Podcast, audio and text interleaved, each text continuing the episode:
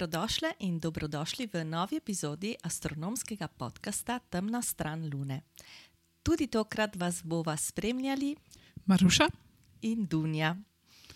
V podkastu se običajno pogovarjava o zanimivostih iz sveta astronomije. Vključiva tudi nekaj astronovic in zanimivih opazovanj v mesecu. In večkrat povabiva tudi zanimive goste in gostje. Namen podcasta je, da osvetljiva manj znane aspekte astronomije. In tako vaju zapeljeva iz temne na svetlo stran Lune.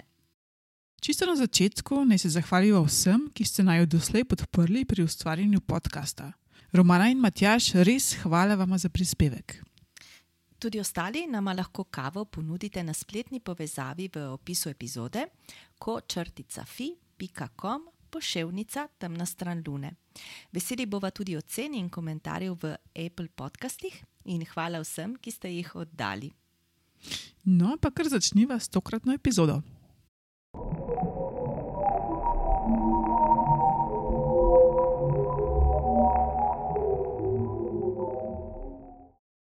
Tokratna epizoda, ki bo nekoliko daljša, je posvečena astronomkam in znanstvenicam nasploh.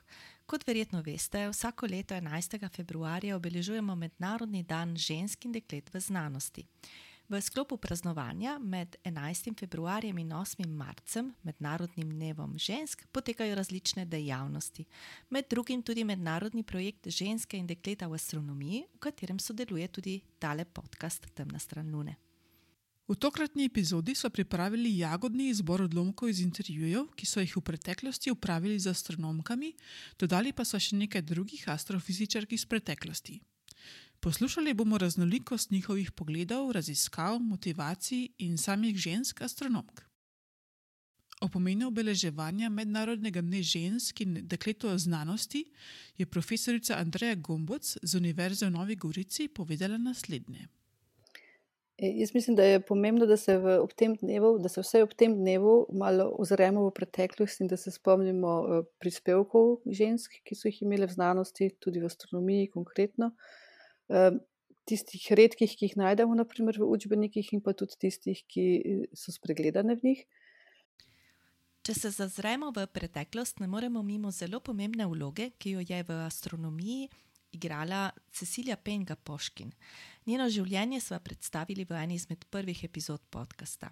Cecilija Helena Payne se je rodila leta 1900 v Angliji, kjer se je že v šolskih letih navdušila in usmerila v znanost, ter se kasneje opisala na Newham College Univerze v Cambridgeu. In eh, tam je na začetku študirala botaniko, kemijo in fiziko, ter se v drugem koraku šele odločila, da se posveti fiziki. O ženskah, študentkah fizike na Cambridgeu je pripovedovala v intervjuju z Owenom Gingeričem, ki ga bomo sedaj poslušali. And so you continued alone as far as the women were concerned. Yes. And there had been peop- women there in physics before you, or were Yes, there- not too many. There had been some. And so you were probably the only woman in lots of the lectures, I was indeed. and you were regarded as something of a curiosity, or you were ignored, or Well, I was, uh, I think, rather resented. I know I was resented by Rutherford because uh, there was a rule that the women were not allowed to occupy the same rows of seats as the men, so I had to sit in the front row all by myself.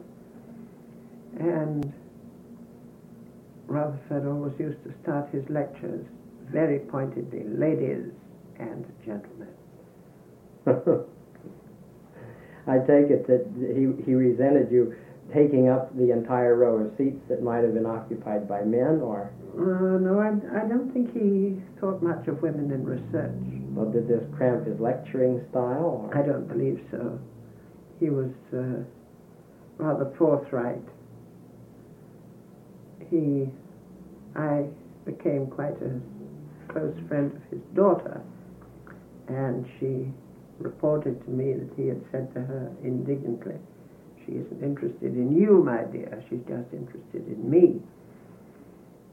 Which made me so mad that I decided I would not continue in physics, but that I would turn to astronomy as soon as I could. Izrez, ki smo ga poslušali, je del intervjuja, ki je v celoti objavljen na spletni strani Ameriškega inštituta za fiziko. Cecilija Penga Poškin je Anglijo zapustila leta 1923 in takrat začela z delom na Harvardskem observatoriju, kjer se je odločila za študij zvezdnih spektrov, torej porazdelitve svetlobe za zvezd. Opazila je, da so nekateri elementi prisotni v zvezdah v podobnih deležih kot na Zemlji. To je bilo sicer skladno s takratnim prepričanjem, da je sestava zvezd podobna kemijski sestavi Zemlje, ampak opazila je pa tudi, da je vodika in helija veliko več. Vodika celo milijonkrat več kot ostalih elementov. Toliko, da je v zaključku svoje doktorske disertacije napisala, da je vodik najbolj zastopan element v vesolju. Njeno življenje pa se navezuje tudi na kariero Joan Feynman. Ko je Joan nekje pri osmih letih izjavila, da bi rada postala znanstvenica, ji je mama rekla, da ženski možgani niso primerni za znanost. Takrat se je, kot je sama zatrdila v intervjuju, tudi zjokala. Ohranila pa je radovednost do znanosti. Pri 14 letih je starejši brat, znani ameriški fizik Richard Feynman, podaril posebno knjigo, višešolski učbenik astronomije. Pričela jo je listati in je ni razumela, ter se z njim kasneje posvetovala, saj se je zdela knjiga prezahtevna. Brat je zato predlagal, da če česa ne razume, naj začne znova, dokler ji ne bo jasno, in tako je tudi sama ustrajala in nadaljevala. Uh, ta učbenik astronomije je bil pa pomemben, zato ker je po naključju ugotovila, da obstaja ilustracija spektra zvezde, avtor pa je bil Cecilija Penga Poškin. Gotovila je torej, da obstaja astronomka Cecilija in da gre za poročeno žensko iz dvojnega priimka. V znanosti lahko tudi raziskave, ki jih izpeljejo ženske, najdejo svojo vidljivost. Poslušajmo sedaj, kaj je Joan Feynman izjavila glede znanosti. What is it that you like about science? Oh, it's a game. It's a game. What you do is you watch something in nature. It's all around there, it's million things to watch. And then you notice something. And you think, why is that? You know, like, why do uh, these flowers live in mud? Or it's not one of the things I'm working on. I'm working on do they bloom a second time? Uh, anyway, it's most fun when you notice something that you don't understand, and then you notice maybe six months later something that might explain it, and then you work at getting the data, enough information about these two things to see if they're related.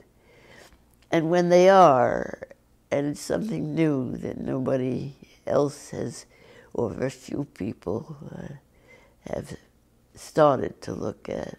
When it's something new, it's a great feeling. It's really wonderful. Wow, it worked. Svoje navdušenje nad znanostjo je delila tudi Ivana Novak iz podjetja Cosilab, ki se ukvarja z razvojem največjega niza radijskih teleskopov SKA, Square Kilometer Array, in ki je bila gostja ene izmed najbolj poslušanih epizod podcasta. Jaz bi rekla tako, ne, da se mi zdi, da um, pač astronomija se mi je vedno zdela zelo fascinantna, ampak pač recimo, ne glede na to, kako meditativno ali romantično se nam zdi nekako gledati v jasne noči v zvezde, pač brez neke tehnologije ni napredka v astronomiji. In v bistvu obratno, na vse razborljivo mi je pravzaprav spremljati, kakšne revolucije se dogajajo na vseh področjih astronomije in astrofizike, zahvaljujoč napredku v tehnologiji, ker um, v bistvu se bo, še reci, po moje, še res uh, nas čaka zlata doba. No? Um, in um, tudi tu se mi zdi, da res napredek ni možen brez sodelovanja znanstvenikov in inženirjev. Um, um, in se mi zdi, da v bistvu za marsikoga so mogoče pri takšnem projektu lahko že tehnološki izzivi sami uh, neko gonilo, um, ampak meni se zdijo prav ta znanstvena vprašanja, ki jih bomo, upam, da s teleskopom lahko začeli odgovarjati kot neka osebna motivacija za delo, pa mi je tudi pač to pomembno, kaj poskušamo doseči, ne samo na dnevni ravni, kaj programiramo. um, tako da ja, um, sem um, zelo. Uh, Zelo navdušena nad tem, kaj, bomo, kaj se bomo naučili v vesolju. Navdušenje ni dovolj, včasih je potrebna tudi ustrajnost pri raziskavah in kanček trme. Svoje pionirsko delo nam je v eni izmed preteklih epizod opisala profesorica Nina Gunde Zimmerman iz Biotehnične fakultete Univerze v Ljubljani. Ukvarja se namreč z ekstremofili, organizmi, ki naseljujejo najbolj skrajna okolja na Zemlji. V tistem času so bile že znane raziskave ekstremofilnih organizmov bakterij po svetu ampak tega je bilo zelo malo, to je bilo na samem začetku, nihče pa ni preučeval ekstremofilnih gljiv. Mene so pa gljive kot eukarionski mikroorganizmi nam zelo podobni, lahko rečem, na nivoju celice, izjemno zanimale. In sem rekla, zakaj pa ne bi začeli gledati, ali je kaj takega mogoče. V vseh knjigah je pisalo, da ni, ampak da je, je fino biti mal trmast, pa najprej poskusiti, pa potem razmišljati. Tako da začelo se je z iskanjem ekstremofilnih gljiv na visoke slanosti prilagojenih gljiv v sečovalskih solinah. In ko smo imeli prve uspehe, ko smo si začeli biti sposobni razlagati te prve prilagoditve, smo kasneje razširili te raziskave še do druga okolja. Na polarne ledenike, na vroča okolja, na velike morske globine in tako dalje. Eno izmed vprašanj, ki ga vse znanstvenice dobijo pred mikrofonom, pa je, s čim se ukvarjajo in zakaj so njihove raziskave tako zanimive. Med najbolj aktualne raziskave spadajo naprimer iskanje temne snovi in pa razumevanje prvih galaksij, ki so nastale v vesolju. Prisluhnimo zato doktorski študentki Tadeji Veršič, ki raziskave v temni snovi opravlja na Univerzi na Dunaju, profesorici Gabrieli Zaharijas iz Univerze v Novi Gorici, ki se ukvarja s pulzari, neutronskimi zvezdami, ter profesorici Maruši Bradač iz Univerze v Ljubljani, ki raziskuje prve galaksije z uporabo vesoljskega teleskopa James Webb. V zadnjih parih dneh sem se malo igrala z tem vprašanjem. Uh, tudi se pogovarjala s kolegi in smo prišli nekako do tega, do, do zanimivega odkritja, da ker ima to ime snov, ker je temna snov, uh, si je nekaj, kar si ljudje zelo lahko predstavljamo. Vse je v naši okolici narejeno iz snovi, uh, miza, za katero sedim, je, je čvrsta in jo lahko, se lahko zdaj dotaknem. Ampak temna snov je pa temna. In to, da je nekaj skrivnostno, hkrati pa, hkrati pa, je, sno, hkrati pa je temna snov nekaj, kar je zelo konkretnega, se mi zdi, da spodbudi domišljijo ljudi in zakaj tako, nas tako privlači. Uh, mogoče tudi del, zakaj je mene privlačila. Na začetku so pod temno snov uh, pred, sto, pred stoletji razumeli uh, nekaj neko običajno snov, ki je preprosto ne sije dovolj, da bi jo lahko mi opazili, tako kot, tako kot vidimo naše mhm. sonce, tako kot, tako kot uh, vidimo Luno in um, Jupiter, se uh, zdaj v zemljskih nočeh res lepo vidi. Um, je bila na začetku temna snov nekaj preprosto, kar ne sije dovolj močno, da bi videli. In seveda, potem, kako smo če dalje, ve, če dalje um, razvili fotografijo, če dalje večje teleskope, se je ta um, ideja o temni snovi uh, spremenila.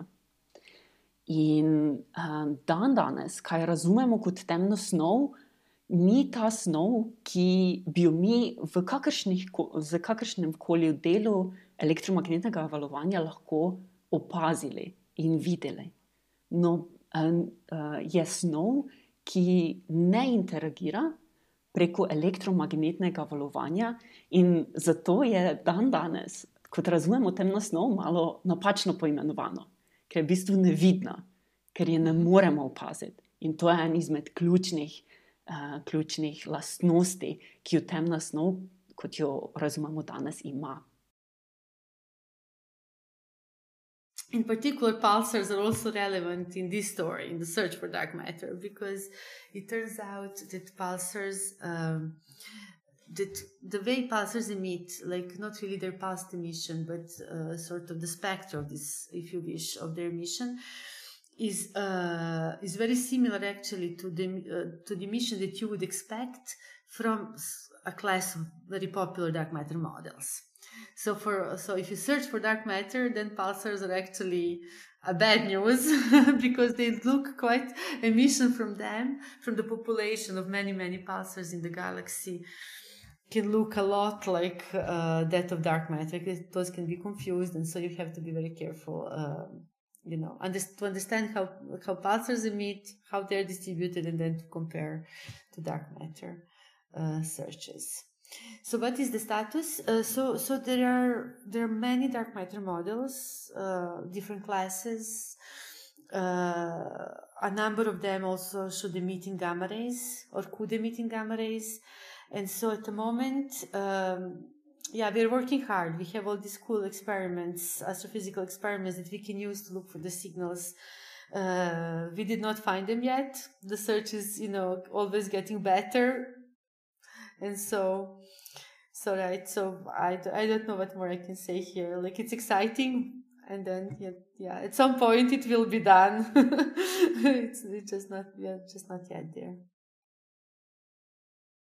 Kako daleč v preteklost bo lahko segel njegov pogled, in glede na to, da si omenila te prve galaksije, kako različne so prve galaksije od recimo naših običajnih galaksij, na katere smo navajeni?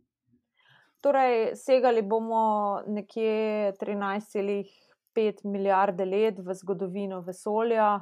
Um, že Hubble nam je, nam je omogočil, da vidimo recimo slike um, teh galaksij, ampak um, kar pa nismo mogli z Hubblom narediti, je izmeriti um, točnih razdalj in izmeriti stavo teh galaksij s pomočjo James Webbovega teleskopa, ki ima tudi na, pri sebi spektrografe, pa bomo lahko to naredili.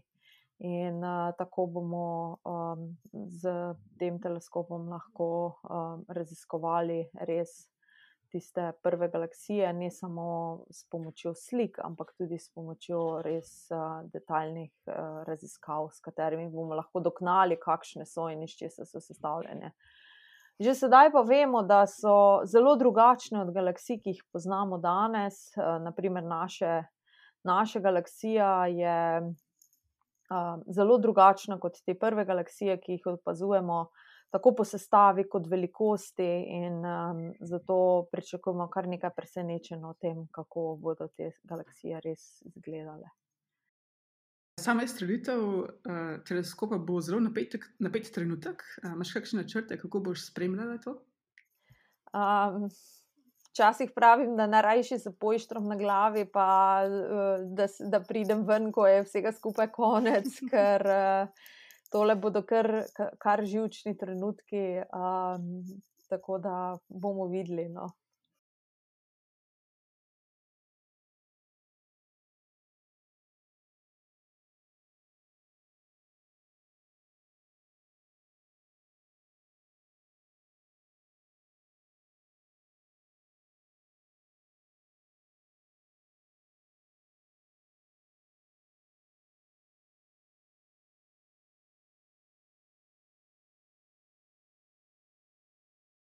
Najne gostje so pretežno slovenske astronomke ali pa astronomke, ki delujejo v naši bližini. To pa mogoče daje napačno predstavo, da astronomi in astronomke prihajajo le iz tako imenovane zahodne kulture, torej večinoma iz Evrope in Amerike. Vendar temu še zdaleč ni tako. Z astronomijo se ukvarjamo po vsem svetu, ker gre za eno najstarejših znanosti, ki je bila skozi zgodovino tesno povezana s kulturo, je astronomsko izročilo prednikov zelo raznoliko. Pred nekaj leti so ob stoletnici Mednarodne astronomske zveze IAU po vsem svetu potekali številni dogodki pod geslom Sto let pod skupnim nebom, ki poudarja vrednost neba za vse kulture in spodbuja zanimanje za astronomijo po vsem svetu. V epizodi o turških mitih in legendah je sodelovala kolegica Ajzegul Tekel, ki nam je razložila njihovo izročilo o zvezdi Severnici. Prisluhnimo ji.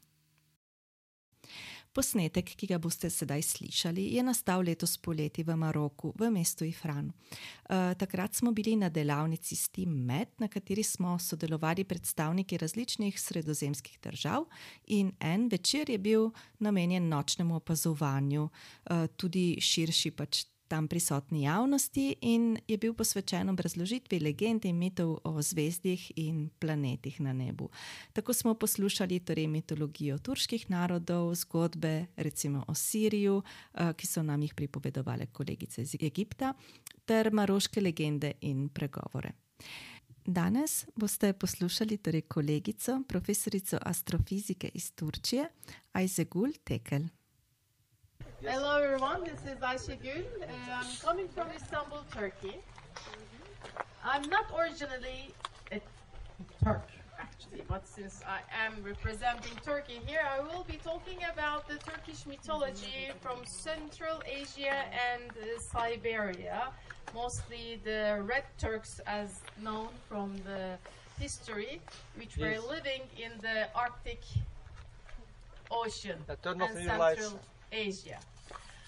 Uh, you know, Turks living in Central Asia and also nearby the Arctic Ocean, they, they had to travel every season. So they were living in uh, tents, huge tents. And every tent uh, had a very strong pillar who was also holding the tent from falling down. So this was part of their daily life. According to their beliefs also, they had the sky god, which some Turks were known as the Gök Turks. Maybe you heard of them. And there was this Ar- uh, um, pillars of Gök Turks, which means sky Turks. They believed in, in a god in the skies who also um, created the sky, uh, lives somewhere upper uh, than the sky. So uh, they were thinking of the sky as a celestial body, heavenly body. They also had some gods for the moon and the sun and so on, or goddesses sometimes. Slišali ste torej Ajzegul, ki je pripovedovala o tem, da so Turki iz Srednje Azije nebo primerjali s svojimi šotori. Zvezdo Severnico so pojmovali kot stebr neba in jo poimenovali železni stebr ali zlati stebr, in o tem bomo slišali tudi kasneje. Aisha mi je posredovala še nekaj dodatnih informacij, ki jih tukaj z vami delim. Severnica je predstavljala tudi sveta vrata, ki so povezovala nebesa in zemljo. In tako berem, je bila meja, ki je ločevala nebo in zemljo, kraljestvo duha in materialni svet ter človeka in Boga. Astronomske izročila kultur so osnovane na bogatem znanju in izkušnjah prednikov, ki so nebo opazovali s prostimi očmi, vendar kljub temu prišli do pomembnih spoznanj. Kot prvi astronomki v mediteranskem prostoru se omenjata Aglaunika, ki je živela v Grčiji v drugem ali prvem stoletju pred našim štetjem, in Hipatija iz Aleksandrije iz četrtega stoletja našega štetja. Vendar pa sprehod v Mezopotamijo razkrije pisne vire, to so klinopisi na glinenih tablicah, ki so stari kar 4300 let in omenjajo prvo astronomko, ki je bila hkrati ena izmed najbolj vplivnih žensk antičnega sveta. Zaenkrat poveva le, da je bilo njeno ime Enhedu Ana, kar v sumerščini pomeni ona, ki je glavni okras nebes, bolj podrobno pa jo bomo predstavili v eni izmed naslednjih epizod. Ker so podcast vsebine, predvsem zvočne vsebine, sva se v eni od epizod posvetili sonifikaciji. Nekaj časa sva tudi za vas izbirali zvočne uganke, kjer sva obrazložili neznan zvok iz vesolja. O sonifikaciji astronomskih podatkov sva se pogovarjali z astrofizičarko Anito Zanella, ki nama je takole predstavila pomembnost uporabe zvoka tudi v znanstvene namene. So the big questions that uh, uh, we are asking ourselves these days is can we use sound? Can we translate these numbers into sound and not only into images? And uh, and how can we do that? And so the the reasons for these are um, there are several reasons. The main one is that using sound, possibly together with uh, uh, visualization, would make astronomy accessible to everyone, also people that are blind or visually impaired. Currently, people which are blind are excluded from science education already at a very young age, just because we don't have the means to teach them without vision. And uh, using sound would allow them to know about astronomy and also to push a career about that. And uh, there are currently just six um, blind astronomers in the world, and that means one every 2,000 people, which is very, very little. Uh, so using sound would allow us to have a, a diverse um, community of researchers. Pogosto mladi gojijo navdušenje nad znanostjo že od malih nog. To je bil primer, ki ga je opisala Tadeja Veršič. Za mene je v bistvu astronomija že zelo zgodaj postala velik del mojega življenja. In namreč preko tega, da um, sva z očetom šla ob, um, opazovati en komet, um, bila sem res zelo mala, um, še brat nisem znala, in um, oče me je peljal in smo z daljno gledom gledali tisti komet. In mene je to tako prevzelo, na kak način nisem mogla dojeti, na kak način se ta komet giblje, um, zakaj ga lahko uh, opazujemo. Uh, in neka ta ideja, kako se, kako se nebesne, nebesna telesa gibajo, premikajo po vesolju, je ostalo, je ostalo z mano. Um, in to me je potem. To me je potem peljalo na študij uh, fizike, na to diplomski študij fizike v Ljubljani, uh, in na to na magistrski študij uh, v tujino, kjer sem, kjer sem v bistvu preko različnih poti dospela do tega, da sem v svojem magistrskem delu uh, merila, kako hitro se zvezde gibljajo. Se pravi, sem končno prišla do tega, da sem lahko, da sem merila, kako hitro se zvezde gibljajo. Um, ampak to mi ni bilo dovolj, moj, moj cilj, moja želja je bila razumeti, zakaj se gibljajo. In to je postal del mojega doktorata, tako sem prišla na Dunaj, um, ker, me, ker, sem si, ker sem želela preučevati, um, kaj je razlog, kaj je tisti vzrok, za, ki ustvarja gravitacijsko polje, v katerem se potem zvezde in vsi nebesni objekti gibljajo. Nič niso omenjali črnih luken. Imamo pa astrofizičarko, ki se je v študentskih letih nad njimi navdušila. Prisluhnite, kaj je povedala profesorica Andreja Gomboc. Zakaj pa te zanimajo ravno črne luknje, oziroma kaj je tisto, kar te je najbolj prepričalo, da se posvetiš njim? Črne luknje so tako skrivnostne, ker eh, pač že ta iz znanstvene fantastike ali pa nasploh ta ideja, da nekaj pade v črno luknjo in je potem izgubljeno. Težko jih tudi vidimo, ker ne vdajajo svetlobe. In uh, vem, da sem pač kot študentka iskala temo za diplomsko nalogo. Sem prišla do profesorja Čadeža, vprašala, če ima, ker je bil pač edini profesor astronomije takrat in v Sloveniji, in sem ga vprašala, če ima kakšno temo astronomsko za diplomo, in je rekel to, kako izgleda, če zvezda pade v črno luknjo, in meni so se oči zasvetle. In se mi je zdelo, da ja, ja, to, to je pa nekaj, kar sem pripravljena mesece in mesece študirati.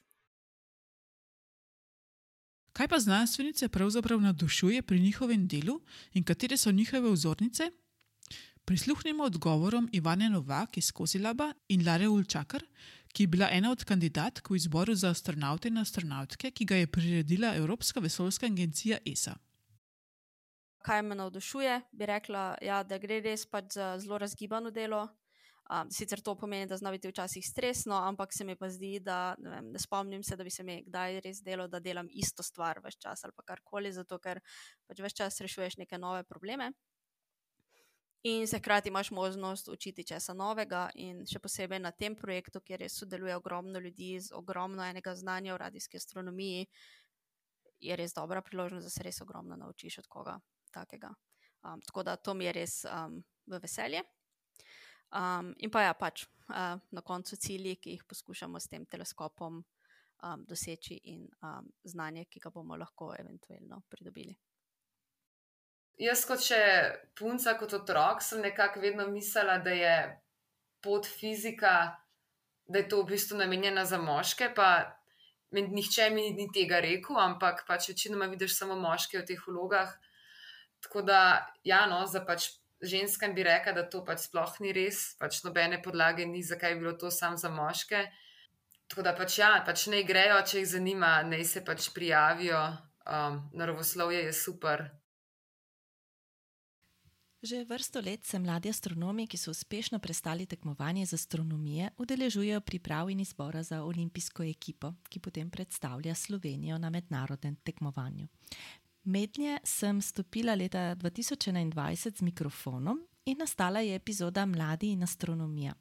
V njej je takrat nastopila tudi zelo mlada Marija Judeš, ki je obiskovala srednjo elektrošolo in tehniško gimnazijo Novo mesto in se je takrat uvrstila tudi v ožji izbor ekipe.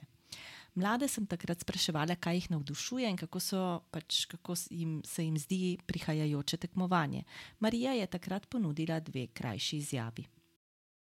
Kaj vas je pritegnilo v te vode? Jaz sem že kot mejna gledala, gledala te dokumentarce o astronomiji, drugače za res pa šele v sedmem razredu, ko sem šla na tekmovanje. Me je pa starejši brat Jon pritegnil k temu. Ja.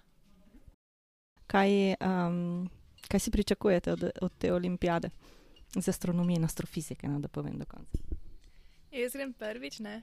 Mam je že, da res ne gremo v Kolumbijo, ampak mislim, da bo zelo zabavno, svet veliko novega znanja pa. To druženje bo super. Leto kasneje pa sem na vroč in vlažen avgustovski popoldan v družbi škržatov, ki jih boste slišali v ozadju, pred gledališčem v Kutaiziju v Gruziji, kjer se je takrat ravno kar zaključila otvoritev Mednarodne olimpijade za astronomijo in astrofizike, intervjuvala olimpijsko ekipo in jih spraševala o vzdušju pred začetkom tekmovanja. Med njimi je bila tudi takrat Marija, ki je že drugič zasedla mesto v olimpijski ekipi. Okay. Kaj pa Marija tukaj, edina punca v skupini, kako, kako kaj kaže tukaj? Super kaže, vzdušje je super, pripravljeni smo, tudi ko me čakamo. Hvala. Marija je v istem letu prejela pohvalo na tekmovanju in ravno tako je bila nagrajena tudi naslednje leto, ko se je olimpijada odvijala na Polskem. Trenutno je študentka prvega letnika fizike. Poleg skrbi za nadarjene je potrebno tudi pristopiti do javnosti. In znanstveniki in znanstvenice imajo pri tem pomembno vlogo, kot nam je povedala Tijana Prodanovič, astrofizičarka in prepoznavna popularizatorka znanosti iz Srbije. We have our eyes as pseudoscience, fake science, you know, like um, outright conspiracy theories, you know, not even pretending to be science, you know. Um, and Uh, the common thing about them is that they're loud. They're loud and they're very active in the public arena, which we are not in science. We are not that loud and we don't like to go in the public that much. We stay in our own labs, in our classrooms, offices. Uh, it always was clear to me that, that this how you communicate, how you talk about science really makes a difference really makes a difference you know because when i would listen to scientists like you know on tv from from serbia something it's really like it really sounds boring it sounds unclear really confusing and and and like like like it's mandatory to be really serious and to use large word big words so that but you know general population they just want to you know know what's the point of this you know? So so yeah that's that that's how i became passionate um, about science communication. It's a long story but that, that that's why i that, that that's why i became passionate because i didn't want this this this solar eclipse fiasco to happen again that that that, that became my mission like i don't want that Poleg pomembne naloge poučevanja in predajanja novega znanja in odkriti javnosti in naslednjim generacijam, so znanstvenice postavljene tudi v pomembno vlogo vzornic, ki navdušujejo mladino in pokažejo, da je sanje iz otroštva s trdim delom možno doseči in poleteti celo v vesolje. Kandidatka za astronautko Lara Ulčakar nam je povedala, kaj pri svoji vzornici najbolj ceni. In pa če najbolj pri srcu mi ta trenutna, Samanta Kristoforeti. Um, dopadla se mi je, ker pač videla sem, da je ona v bistvu celo življenje strmela k temu in imela v bistvu to misijo. Ona je že kot otrok hodila na neke vesoljske tabore, bila je že takrat otrok neki v Rusiji, pa pač bila je mhm. pilotka. Um, tako no, všeč mi, je, všeč, všeč mi je bil ta njen fokus, kateremu je sledila in pač potem je dejansko dosegla to, kar, je, kar si je želela. In tudi v bistvu zdaj, je, ko, ko je, vesol, ko je, recimo, ko je bila na mednarodni vesoljski postaji, je res veliko delala za stik z mladimi um, in z javnostjo, in to se mi zdi tako res lepo in pomembno, tega, ker v bistvu samo na tak način lahko v bistvu dosežemo, da postane znanost bolj popularna, da se več ljudi s tem začne ukvarjati, da je na koncu več finančnih sredstev, da lahko pač raziskujemo več. Za zaključek pa še pogled profesorice Andreje Gomboc na sodobno vlogo žensk v znanosti in na svet za dekleta, ki izbirajo karierno pot. Um, pomembno je pa tudi, eh, da se eh, zavemo v sedanjosti, da ženske pomembno prispevajo k reševanju velikih problemov človeštva, k znanstvenim odkritjem in da je potrebno jim omogočiti enako deležbo v znanosti kot moškim, tudi eh, enake eh, pogoje za napredovanje, za uveljavitev svojih idej, svojih načinov reševanja problemov. Naprimer. Ker mislim, da moramo pri tem izkoristiti vse človeški kapital, se pravi vse nadarjene ljudi in pa tudi različne poglede, mogoče ljudi z različnimi izkušnjami.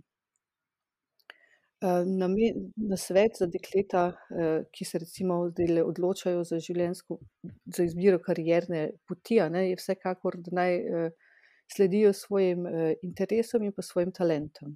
Ne, in da pač, če jim kdo reče, da nek poklic ni za ženske, naj to preprosto ignorirajo in ustrajajo na svoji poti.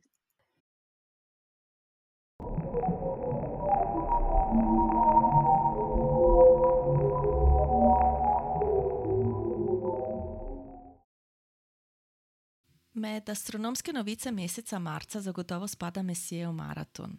Glavni organizator dogodka je tudi letos Astronomsko društvo Teleskop iz Nove Gorice, ki prireja javni dogodek v noči sobote 9. marca na nedeljo 10. marca. V bližini Eko-koče Nanos se bodo takrat zbrali ljubitelji astronomije in tudi tekmovalci, ki se bodo preizkusili pri iskanju 110 objektov Mesijevega um, kataloga.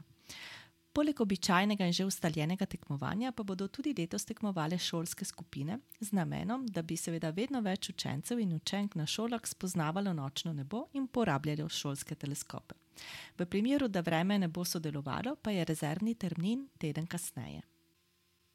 Dodamo tu še dogodek, in sicer eh, Fakulteta za naravoslovje Univerze v Novi Gorici v sodelovanju z Zavodom Kozmolab vabi na natečaj Go Chile zvezdnate ptice južnega neba. Naloga pri natečaju je sledeča. S teleskopom Go Chile juž, je potrebno na južnem nebu posneti sliko vsaj dveh objektov, naj bo to galaksija, meglica, kopica, več zvezde in tako dalje, ki se nahajata v enem ali več ptičjih ozvezdi, naprimer pav. Recimo. Eh, na to je potrebno objekta in ozvezdja, v katerih se nahajajo, uh, nahajajo povezi, povezati v zgodbo. In zgodbo, zgodba je lahko predstavljena v obliki besedila, risbe, stripa ali česarkoli drugega. Važno je le, da je izvirna in zanimiva. Pri tem si je seveda potrebno pomagati tudi slikama, ki sta bila posneti z gočilom. Uh, in slike so lahko obdelane na klasičen način, lahko pa se tudi uh, poigrate z slikami, torej lahko so pobarvane ročno, lahko so narejeni kolaži, video in tako dalje. Uh, na to je potrebno seveda vse to poslati na, na, pravi, na pravi naslov. Gočile je projekt, ki ga vodi Univerza v Novi Gorici in sodeluje pri njem tudi astronomska revija Spika. Gre za dva teleskopa, ki stojita na observatoriju El Saus v Čilu. S teleskopoma se opazuje nadaljavo in pri tem se izkoristi, izkoristi temno nebo in jasne noči čilskega visokogorja. Dijaki in dijakinje, ki bodo sodelovali na natečaju, bodo lahko s pomočjo teleskopa Gočile in domišljije se potegovali za lepo nagrado, teleskop tipa Dobson. Prijave so možne do 10. marca, povezavo bomo dodali v zapiske. Prvih deset skupin, ki bodo dale po, um, popolno prijavo, bo tudi sodelovalo pri natečaju. Pred prijavo je pa potrebno pozorno prebrati pogoje razpisa. Med prizori, ki jih lahko poiščete na nočnem nebu meseca marca, pa velja omeniti planet Jupiter. V sredo, 13. marca, uro in pol po sončevem zahodu, bo Jupiter viden kot svetla pika levo od luninega srpa. Poglejte torej proti zahodu takrat in lahko, da boste ob tem opazili tudi pepelnato svetlobo. Gre za pojav, ko kljub temu, da večji del lune ni osvetljen direktno od sonca, ga vseeno vidimo v takem sivo-pepelnatem soju. Ta soj je posledica tega, da luno osvetljuje sončeva svetloba, ki se odbija od zemlje. Drugo obvestilo pa je seveda to, da bomo konec meseca prišli na poletni čas in to bo v zgodnjih urah v nedeljo 31. marca. V zapiske, kot običajno, dodajava tudi povezave za glede preletov mednarodne vesoljske postaje nad nami in vas dodatno tudi spomniva na obilico aplikacij, kot so recimo Stellarium ali pa Sky Safari, ki vam omogočajo, da sproti odkrijete, kaj je vidnega na nebu. Dogodke, ki smo jih našteli, najdete tudi v knjigi Glej zvezde, ki jo lahko kupite na spletni strani astronomske revije Spika.